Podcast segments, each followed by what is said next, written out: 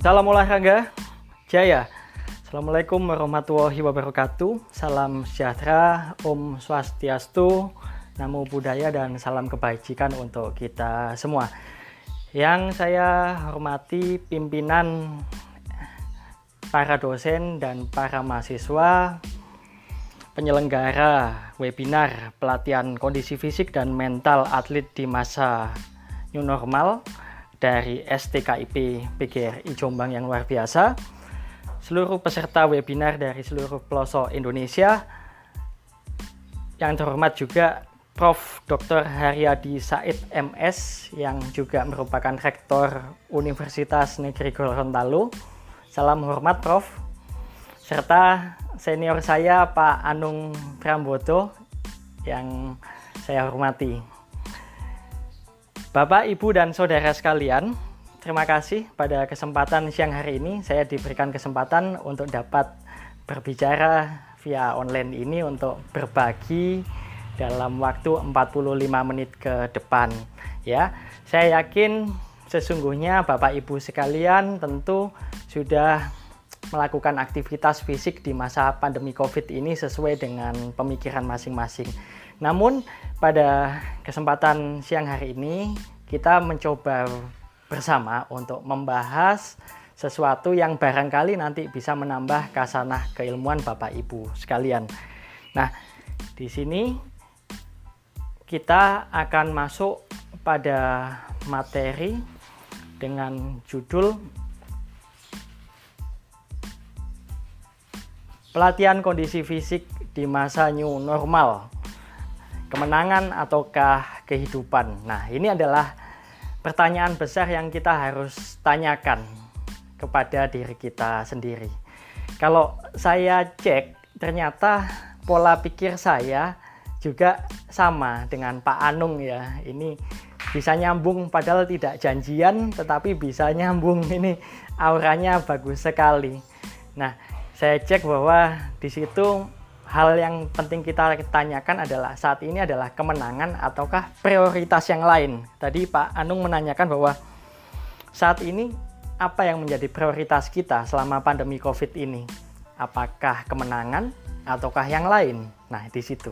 Nah, ini akan saya perkuat dengan pertanyaan karena kita tahu bahwa kalau di fisik salah latihan itu juga bisa berakibat fatal bisa tidak ke kemenangan, tetapi bisa ke kematian. Makanya hal ini yang penting untuk kita bahas. Apa yang menjadi prioritas kita saat ini? Kita masih fokus ke kemenangan utamanya ataukah pada aspek yang lain? Nah, ini akan kita bahas bersama dalam waktu sekitar 45 menit ke depan.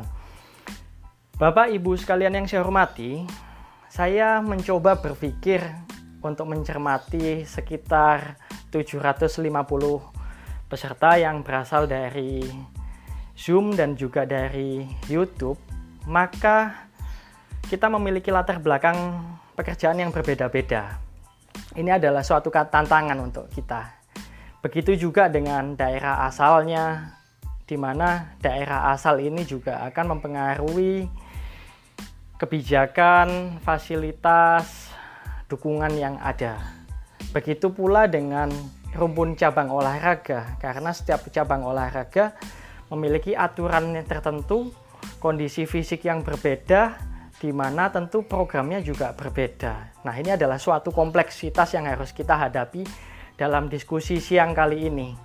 Selain itu, atlet yang kita hadapi juga sangat luas rentangnya, mulai dari level desa hingga level internasional. Nah, maka karena kita berasal dari sudut pandang yang sangat luas dalam webinar siang kali ini yang diselenggarakan oleh STKIP PGRI Jombang, maka saya harapkan Bapak, Ibu, dan Saudara sekalian dapat menerjemahkan apa yang akan kita diskusikan pada siang hari ini sesuai dengan kondisi masing-masing sesuai dengan pekerjaannya, sesuai dengan kondisi daerah, sesuai dengan cabang olahraga, dan level atlet yang ditanganinya. Sehingga apa yang akan saya sampaikan di sini adalah bersifat umum atau general yang bersifat panduan. Bapak Ibu diminta untuk lebih menerjemahkan lagi sesuai dengan kondisi masing-masing. Nah, apabila kita mencermati surat edaran Kemenpora tentang situasi new normal, maka di situ disebutkan ada tiga pokok utama dalam masa new normal ini ya. Mengutip dari kompas.com ada tiga poin utama. Yang pertama adalah kita harus melakukan olahraga dengan mengikuti protokol WHO. Jadi diminta untuk melakukan tes PCR swab ya bukan rapid test tapi PCR swab karena hasilnya sangat uh, detail dan akurat hanya mereka yang bebas dari COVID boleh melaksanakan olahraga tersebut. Nah, yang kedua, apabila bebas COVID, maka boleh melaksanakan puslada, puslatcap, puslatkop, puslatnas, dan lain sebagainya. Nah, Syaratnya adalah atlet yang bebas COVID, official yang bebas COVID, pelatih yang bebas COVID. Namun, saat ini puslada tersebut, puslatnas tersebut difokuskan untuk cabang olahraga yang sifatnya individu. Ya, jadi olahraga kelompok, sepak bola, basket dan lain sebagainya belum diizinkan menurut protokol tersebut. Dan yang ketiga disebutkan bahwa kompetisi dapat dilakukan bila sudah diizinkan oleh pemerintah. Saya garis bawahi lagi, kompetisi dapat dilakukan bila sudah dapat diizinkan oleh pemerintah. Nah, ini ya kata kuncinya adalah bila sudah diizinkan. Nah, pertanyaan besarnya adalah saat ini sudah diizinkan atau belum? Begitu kapan diizinkan. Nah, ini kan kita belum tahu. Ya. Jadi di situ. Nah, kita belum tahu tentang perizinan tersebut. Ya. Pertanyaan saya kepada Bapak Ibu sekalian, Bapak Ibu yakin kompetisi dapat dipastikan setengah tahun lagi, satu tahun lagi, dua tahun lagi, dan lain sebagainya. Ya, Bapak Ibu yakin atau tidak yakin? Itu dulu pertanyaannya. Kalau Bapak Ibu yakin, maka lanjutkan menyusun dalam periode sasi latihan penuh mengikuti pompa di mana ada periode persiapan umum, khusus, persiapan kompetisi dan transisi. Ya, dilanjutkan saja. Tetapi kalau kita yakin bahwa kompetisi tidak dapat dilakukan secara akurat waktunya, maka silahkan mengambil opsi yang kedua, bahwa kompetisi tidak dapat dipastikan waktunya. Nah, apabila kita yakin bahwa kompetisi tidak dapat dilakukan, maka kita harus mengambil periodisasi latihan sebagian. Jadi, kita harus hilangkan beberapa tahapan periodisasi. Nah, selanjutnya kita akan milih yang mana? Bapak Ibu milih yang mana di masa new normal ini? Kalau kita melatih, kalau kita sebagai atlet, kalau kita sebagai official, atau semua pemerhati olahraga yang terlibat di dalam kaitannya dengan atlet, saat ini yang kita utamakan kemenangan ataukah kehidupan? Itu yang harus kita tanyakan lebih dulu. Karena kedua tahapan ini, kedua langkah ini jenjangnya akan sangat berbeda dan tidak akan bertemu. Seperti waktu kita mengambil keputusan ke kanan, maka kita tidak bisa ke kiri Begitu kita mengambil keputusan ke kiri, maka kita akan kehilangan seluruh aktivitas yang ada di kanan. Kita harus berani memilih saat ini. Kita milih yakin yang mana bahwa kompetisi dapat dilakukan atau tidak. Kalau kompetisi diyakin dapat dilakukan dan waktunya sudah dipastikan, maka silakan mengambil opsi kemenangan. Namun, apabila kita tidak yakin opsi bahwa kompetisi dapat dilakukan dalam waktu dekat, maka saya rekomendasikan untuk mengambil opsi tentang kehidupan. Nah, kalau kita diminta untuk memilih situasi yang sulit ya, karena hidup kita harus memilih. Kita milih yang mana? Kalau kemenangan berarti juara ya. Jadi ya, nah tentu kita semua akan berharap pada masuk zona yang hijau. Kita menang di saat COVID ini, tapi juga hidup. Ya, itu adalah pencapaian nomor satu. Atau opsi yang tidak enak, yang urin ya. Habis menang, habis juara, habis itu meninggal kena COVID. yang ketiga, opsinya adalah yang ditunjukkan kuning ya. Saat ini kita tidak tahu kapan ada kompetisi maka kita tidak bisa juara. Tapi kita masih hidup ya karena fokus salah satunya adalah mencapai daya tahan tubuh yang baik. Nah, yang bahaya itu kalau yang masuk di tabel yang ditandai oleh warna merah di mana sudah tidak juara tapi juga tidak hidup ya. Semoga ini tidak terjadi untuk yang di kolom merah. Nah, sebagai bahan pemikiran Bapak Ibu, ini adalah situasi dunia. Saya mengambil kutipan-kutipan ini dalam waktu dua bulan terakhir. Ya, saat ini di Amerika 59 atlet football positif COVID. Di Jepang, seorang atlet sumo meninggal akibat COVID. Usianya 28 tahun. Ya, kalau Bapak Ibu berargumentasi bahwa lo ya masuk akal dong kan memang pesumo itu kan obesitas sehingga resikonya besar. Oke. Boleh Bapak Ibu komentar begitu. Tetapi bagaimana kalau saya bukakan dengan fakta ini? Ya. Elham Seiki itu adalah atlet futsal wanita ya yang sangat intens ya jadi banyak lari dan lain sebagainya banyak aktivitas anaerobik, aerobik, ya. Usianya baru 22 tahun dan indeks massa tubuhnya masuk dalam kategori ideal. Itu juga meninggal. Nah, sekarang kita coba merujuk data yang ada di Indonesia. Saya ambil data ini adalah dalam bulan ini. Ya, saat ini kita nomor satu di Asia Tenggara ranking COVID-nya.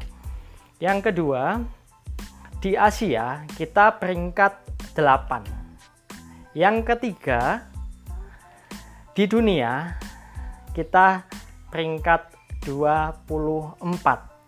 Dan yang disampaikan oleh Presiden Jokowi bahwa kemarin disebutkan angka kematian COVID di Indonesia itu lebih tinggi dibandingkan angka kematian di seluruh dunia. Nah, ini harus kita cermati tentu saja, ya. Kita harus mencermati data ini. Kita tidak boleh gegabah tentu. Karena kalau kita cek data yang ada, maka ranking Indonesia juga harus kita pikirkan dengan matang. Nomor satu Asia, nomor nomor satu Asia Tenggara, nomor 8 Asia, nomor 24 dunia dan kematian di Indonesia lebih tinggi 0,8 persen dibanding di seluruh dunia. Nah, mengaca dari fakta ini, maka kita harus ekstra hati-hati. Saya ulang, kita harus ekstra hati-hati. Nah, pertanyaan saya kembali, Bapak Ibu memilih yang mana?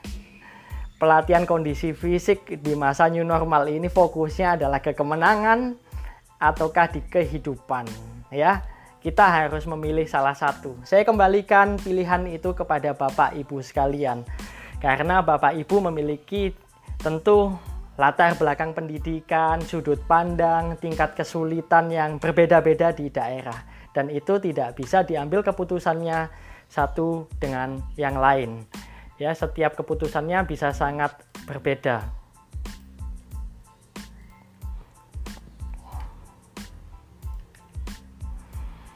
Nah kalau kita fokus ya kalau Bapak Ibu yakin bahwa ngambil ke kemenangan maka lakukan semuanya ya. Lakukan semuanya. Ya kalau fokusnya kemenangan maka ya lakukan. Tahapan mulai persiapan umum persiapan khusus prakompetisi kompetisi dan transisi. Tapi kalau bapak ibu tidak yakin bahwa kejuaraan akan bisa dipastikan waktunya tahun depan setengah tahun lagi tiga bulan lagi maka saya rekomendasikan bapak ibu untuk mengerucut kepada dua tahapan ini saja. Ya. Kalau memang belum bagus, ya kita harus fokus di persiapan umum. Tapi kalau ternyata memang atletnya sudah bagus, kondisi persiapan umum sudah terlewati, maka silahkan mengerucut pada persiapan khusus. Ya. Nah, tentu jawabannya berbeda-beda. Ya, kita tidak bisa samakan antara bapak ibu yang satu dengan yang lain. Nah, kita tahu di tabel periodisasi latihan bahwa di awal kita fokuskan dengan volume tinggi dengan intensitas rendah. Namun nanti akan ketemu titiknya di tahapan persiapan khusus ya seperti itu nah tetapi kalau Bapak Ibu yakin bahwa kita tidak bisa ini nggak, nggak mungkin nggak bisa dipastikan maka kita fokus ke kehidupan saja maka kita tutup saja tabel untuk kompetisi dan transisi di sini ya ya. Jadi kita hanya fokus memilih untuk persiapan umum ataupun persiapan khusus saja. Monggo disesuaikan dengan kondisi masing-masing. Ya. Namun hal yang penting untuk saya ingatkan untuk Bapak Ibu sekalian saat melatih atlet adalah kurva J ini harus kita perhatikan ya. Kurva J itu adalah kurva yang membahas tentang resiko penurunan daya tahan tubuh yang berkaitan dengan tingkat intensitas latihan. Nah, saat Bapak Ibu melakukan aktivitas yang sedang, intensitas sedang, maka resikonya adalah rendah. Jadi, saat ini yang paling masuk akal adalah melakukan aktivitas dengan intensitas sedang. Ya. Kenapa? Aktivitas dengan intensitas sedang itu bagus untuk menjaga imun selama pandemi Covid, ya. Nah, yang tidak direkomendasikan adalah melakukan aktivitas dengan intensitas tinggi. Ya, ini tidak kita rekomendasikan. Kenapa? Dengan melakukan aktivitas intensitas tinggi, maka Bapak Ibu mengalami penurunan daya tahan atau imun dalam waktu 3 hingga 84 jam sejak latihan. Jadi sejak hari itu hingga empat hari ke depan imun kita sangat beresiko untuk turun. Nah, kalau zaman dulu sebelum ada COVID, no problem. Mungkin Bapak Ibu yang dialami hanya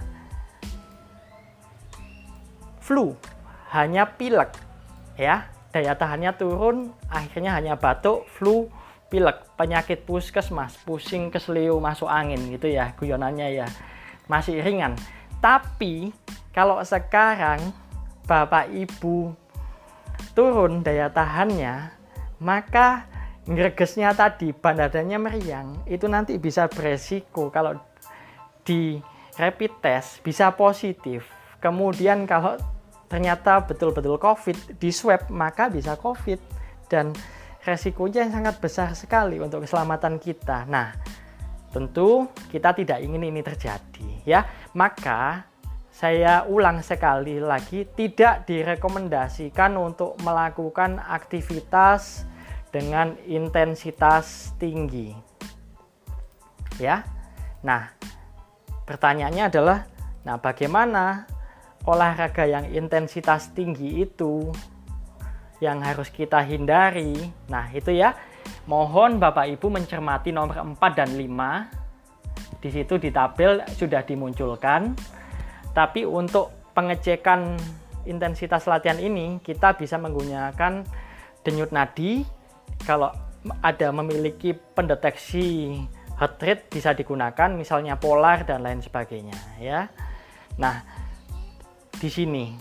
Kita direkomendasikan melaksanakan aktivitas dengan intensitas sedang ya. Karena intensitas dengan waktu 10 sampai 40 menit kalau atlet maksimal 60 menit maka di sini bisa untuk menjaga daya tahan tubuh selama pandemi Covid ini. Kalau dulu atlet bisa latihan sampai 2 jam ya, tetapi saat ini dengan kondisi Covid maka durasi latihan juga harus kita perhitungkan maksimal satu jam agar tidak mengalami kelelahan daya tahannya terjaga ya. Sebab mengapa? Latihan dalam waktu kurang dari satu jam itu bisa menghasilkan hormon endorfin hormon yang menyebabkan rasa senang menyebabkan rasa gembira. Di saat kita gembira maka daya tahan tubuh kita akan cenderung meningkat. Nah saya nggak punya polar nih. Saya tidak ber, terbiasa mengecek denyut nadi. Maka bagaimana solusinya? Nah, Bapak Ibu bisa menggunakan tes yaitu melalui tes berbicara. Waktu kita jogging, kita masih bisa menyanyi. Ya, waktu masih bisa menyanyi dengan baik ya. Kau begitu sempurna.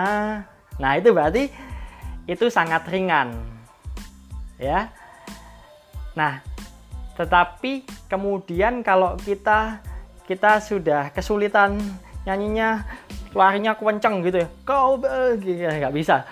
Ha, sudah nggak bisa nyanyi. Maka di itu sudah masuk kemungkinan di yang di berat ataupun yang di sangat berat ataupun maksimal effort.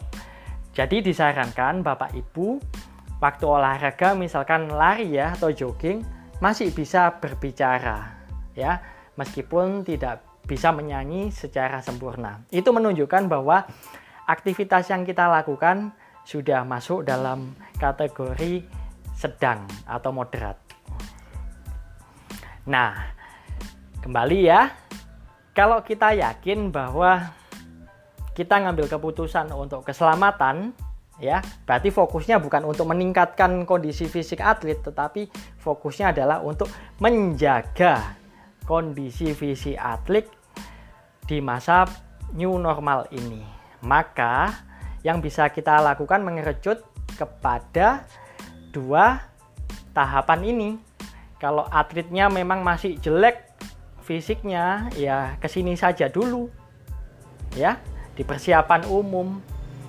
Tapi harus hati-hati dengan latihan kecepatan karena latihan kecepatan adalah salah satu latihan yang berfokus untuk intensitas tinggi. Nah, gitu ya.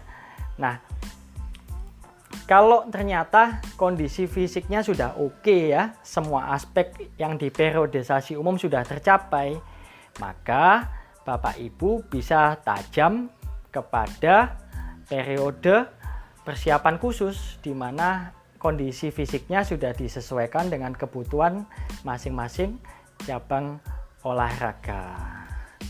Nah, bagaimana bentuk latihan untuk di persiapan umum? Nah, kalau kalau sebelum COVID persiapan umum itu biasanya dilakukan dalam waktu dua bulan sampai dua bulan setengah. Tetapi kalau kita fokus memang ini untuk keselamatan, maka kita bisa lakukan lebih panjang. Kenapa? Karena saat ini kompetisi tidak dapat dipastikan, maka kita bisa mengambil waktu lebih panjang untuk di sini. Nah, silahkan Bapak Ibu melatih sesuai dengan kebutuhan cabang olahraga lain-lain. Nah, kalau panahan, apa butuh kecepatan? Ya tidak. Ya. Dia lebih butuh daya tahan, kekuatan, kecepatan. Nah, setiap cabang olahraga tentu memiliki kebutuhan yang berbeda. Bapak harus menyesuaikan dengan kebutuhan masing-masing cabang olahraga. Nah, kalau semua aspek tersebut sudah dapat dilakukan dengan baik pada tahapan persiapan umum, Bapak boleh mengambil opsi pada tahapan persiapan khusus sesuai dengan cabang olahraga. Nah, tentu beda-beda kebutuhan di gulat, tentu beda dengan kebutuhan di lari, ya. Maka dari situ kita harus sesuaikan dengan kebutuhan di masing-masing cabang olahraga.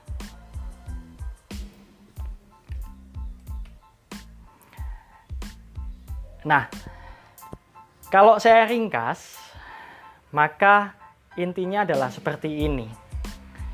Sebelum COVID, maka prioritasnya adalah kemenangan. Tetapi di sini kembali saya tanyakan kepada Bapak Ibu sekalian, mau kemenangan ataukah ke kehidupan? Ya. Frekuensi latihan jelas lebih sedikit. Kenapa? Imun harus dijaga intensitas latihan batasi intensitas tinggi karena intensitas tinggi bisa menurunkan imun tempo latihan maksimal untuk atlet satu jam ya. Kenapa? Agar tidak mengalami kelelahan. Istirahatnya bagaimana? Istirahatnya harus lebih dijaga. Tidak boleh tidur di atas jam 10 karena hormon melatonin tidak akan bekerja. Hormon melatonin adalah hormon yang membuat kita awet muda, berfungsi untuk menjaga regenerasi sel-sel. Nah, kalau kita tidur di atas jam 10 malam, ya, maka ada resiko bahwa kita akan mengalami penuaan dini dan daya tahannya mengalami penurunan. Kejelasan kompetisi, kalau saya lebih yakin saat ini tidak pasti ya. Meskipun dikatakan bahwa Olimpiade dilaksanakan tahun depan, tetapi kalau ada situasi lebih parah lagi, sangat mungkin itu menjadi mundur lagi, seperti yang disampaikan oleh Pak Anung bahwa sangat mungkin menjadi masuk pada tahun 2022. Nah, periodisasi latihan kalau dulu bisa sampai tuntas, maka kalau di sini hanya dicukup sampai di sini ya, kompetisi maka bisa dihilangkan kalau memang Bapak mengambil keputusan bahwa saat ini yang lebih penting adalah kehidupan.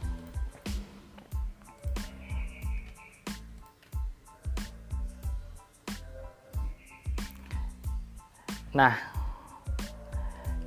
di sini saya rekomendasikan bahwa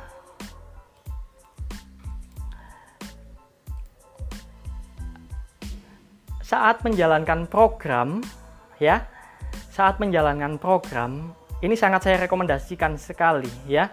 Pak Anung tadi menyebutkan bahwa atlet itu tidak termotivasi kalau tidak memiliki goal, tidak memiliki target, tidak memiliki tujuan.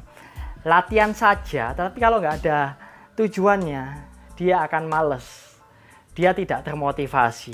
Dan itu betul sekali maka sarannya adalah lakukan tes dan pengukuran mandiri.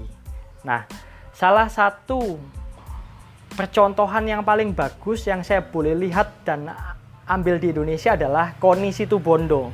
Koni Situbondo itu adalah salah satu kabupaten yang ada di Indonesia yang sangat bagus menerapkan bagaimana training from home semasa pandemi Covid ini. Jadi di awal bulan Maret atau April, Kondisi Bondo itu sudah menjalankan training from home.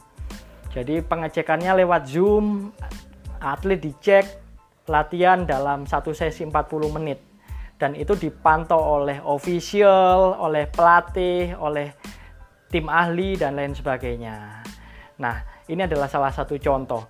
Nah, saya rekomendasikan bahwa penting adanya tes fisik. Kenapa? tanpa ada tes fisik, kita tidak tahu apakah hasilnya baik atau jelek. Nah, karena dasar tes fisik ini kita jadikan dasar untuk menyusun program bagi atlet. Apakah diubah ataukah tetap? Nah, setelah itu dilaksanakan programnya dua bulan, ya dua bulan lagi di bulan Oktober kita tes lakukan tes fisik lagi. Pastikan tes fisiknya sama. Pastikan tes fisiknya adalah yang mudah dilakukan di rumah. Bagaimana hasilnya? Apakah meningkat, tetap, atau menurun? Kalau menurun, kesalahannya apa? Di mana letak kesalahannya sehingga kita bisa perbaiki dan ubah programnya. Kalau sudah diubah, maka program itu kemudian dijalankan hingga bulan Desember. Di akhir Desember nanti kita tes lagi. Ya. Jadi intinya adalah tes dulu kondisi fisik awalnya bagaimana, berikan program latihan fisik, setelah itu cek apakah atlet mengalami penurunan, kenaikan ataukah stagnan ya karena dengan kondisi pengecekan via Zoom, sangat mungkin setelah lihat-lihatan handphone dengan pelatihnya, begitu pelatihnya selesai dimatikan, dia nggak latihan. Padahal masih tersisa 20 menit latihan lagi. Nah, di situ ya, ini kesulitannya. Maka penting adanya pengecekan. Ya, intisarinya adalah saya rekomendasikan selama pandemi COVID ini untuk melakukan latihan dengan memperhatikan intensitas yang ada. Latihan aja nggak cukup, ya. Kenapa? Kita harus perhatikan pemulihannya, karena latihan akan menyebabkan rasa lelah. Kalau di, tidak diimbangi dengan pemulihan yang baik, maka daya tahan kita akan turun dan berisiko terpapar COVID. Nah, kalau sudah istirahat saja, apakah cukup? Ya tidak. Tetap harus diimbangi dengan gizi yang baik, ya. Kalau latihan saja tapi makannya juga tidak baik, mie saja mie instan, tidak ada sayurnya, tidak ada telurnya, ya. Ya ini juga tidak direkomendasikan. Maka yang paling penting adalah bagaimana melakukan keseimbangan antara latihan, nutrisi dan pemulihan selama pandemi Covid ini. Ya, seperti itu. Sehingga dengan memperhatikan latihan fisik, diperhatikan juga bagaimana pemulihannya dan gizinya, maka kita sudah berada di jalan yang benar untuk menjaga kondisi fisik atlet di masa pandemi ini dengan tetap memperhatikan kesehatannya.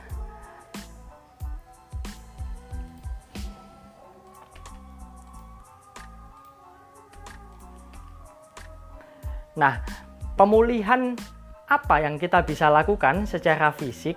Yang pertama adalah lakukan cooling down ya. Jadi sesudah latihan atlet silahkan melakukan cooling down aktif ya, cooling down aktif yang gerak-gerak ya, yang digerak-gerakkan ya. Kenapa? Cooling down aktif itu lebih mempercepat pemecahan asam laktat. Yang kedua, jangan lupa untuk dijaga kecukupan air minumnya. Nah, bisa juga ditambahkan dengan mandi air panas ya untuk menyebabkan vasodilatasi sehingga membuka peredaran darah sehingga kita tidak lelah atau kalau cedera bisa menggunakan kompres es. Jangan lupa 8 sampai 10 jam tidur bagi atlet sesuai dengan usia masing-masing ya.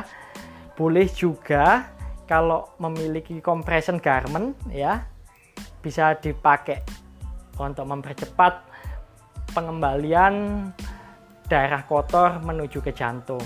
Nah, ada juga masas, tetapi saya warnai merah. Saya tidak rekomendasi untuk saat ini. Karena dengan masas akan ada konteks secara langsung dan beresiko untuk terpapar COVID-19. Nah, makannya bagaimana? Ya tentu kalau sebelum latihan harus tinggi karbohidrat. Kalau sesudah latihan, karena kita mengalami kerusakan sel-sel, butuh untuk regenerasi, maka butuh tinggi protein. Saya rekomendasikan untuk di awal hari untuk menambahkan vitamin ya. Madu bisa yang alami. Ya, silakan memilih vitamin sesuai dengan agama dan kepercayaan masing-masing yang membuat Anda merasa yakin bahwa itu bisa menjaga kekebalan tubuh di masa pandemi Covid ini. Di akhir sesi, saya ingin memberikan rekomendasi kepada Bapak Ibu sesuai dengan kondisi masing-masing. Saya tidak tahu Bapak Ibu menjadi seorang pelatih, apakah adik-adik yang merupakan seorang atlet ataupun Bapak Ibu yang merupakan pengurus dari cabang olahraga. Nah, untuk pelatih, saya bisa rekomendasikan tiga hal untuk Bapak Ibu dan saudara sekalian. Yang pertama adalah yang paling penting dibutuhkan oleh pelatih saat ini adalah kreativitas, ya karena dengan training from home dengan situasi yang serba terbatas, di situ besar sekali resiko kejenuhan. Maka penting bagi pelatih untuk bisa menciptakan variasi latihan sehingga atlet tidak bosan. Yang kedua adalah Bapak Ibu dibutuhkan keluasan hati, kebijaksanaan. Karena kita tahu bahwa kita tidak bisa membuat program yang kita paksakan untuk optimal betul sesuai dengan kondisi sebelum COVID. Ya, kita harus menurunkan waktu, menurunkan tempo, menurunkan volume dan intensitas. Di mana di situ dibutuhkan legowo untuk kita menerima. Ya, seperti itu. Dan yang ketiga adalah dengan adanya latihan training from home maka ada resiko kegagalan atau ketidakberhasilan sistem. Karena setelah melakukan video zoom atlet bisa jadi dia akan tidak latihan ya pura-pura saja. Maka penting dibuat sebuah sistem untuk mengontrol kondisi fisik atlet melalui adanya tes kondisi fisik sederhana yang bisa dilakukan di rumah untuk atlet saya rekomendasikan tiga hal. Yang pertama adalah jujur. Kenapa? Karena tanpa kejujuran maka kita bisa matikan video zoomnya setelah atlet mematikan videonya. Tetapi ya kondisi fisik itu tidak bisa bohong. Kalau kita tidak latihan maka kondisi fisik pasti akan turun. Maka hal paling penting yang dimiliki oleh atlet saat ini adalah kejujuran. Yang kedua adalah disiplin kalau atlet melakukan latihan di luar rumah, pastikan disiplin untuk mengikuti protokol, memakai masker kalau memungkinkan, menjaga jarak, dan kemudian apa namanya juga tidak bertukar tempat minum bersama teman dan lain sebagainya. Disiplin. Dan yang ketiga adalah ikhlas. Artinya kita tahu bahwa pelaksanaan kejuaraan kita nggak tahu pastikan di mana, kapan, dan di, dan akan terjadi pada waktu berapa waktu kemudian. Maka dibutuhkan kebesaran hati untuk ikhlas berlatih untuk menjaga kondisi fisik. Untuk para official, saya rekomendasikan untuk menyusun sistem bagaimana menaungi pelatih dan atlet sehingga pelatih dan atlet bisa melaksanakan pelatihan yang tetap menjaga kondisi fisik di masa pandemi Covid ini. Di situ dibutuhkan support atau dukungan ya. Baik itu pendanaan, uang pulsa dan lain sebagainya. Kemudian mohon pastikan bahwa pelatih dan atlet melakukan aktivitas dengan memperhatikan prosedur keselamatan dan keamanan sesuai dengan protokol WHO. Nah, demikian presentasi yang dapat saya sampaikan. Apabila nanti ada pertanyaan yang mungkin belum terjawab melalui sesi tanya jawab yang sangat terbatas, boleh melakukan kontak secara pribadi kepada saya pada data tersebut di atas. Terima kasih.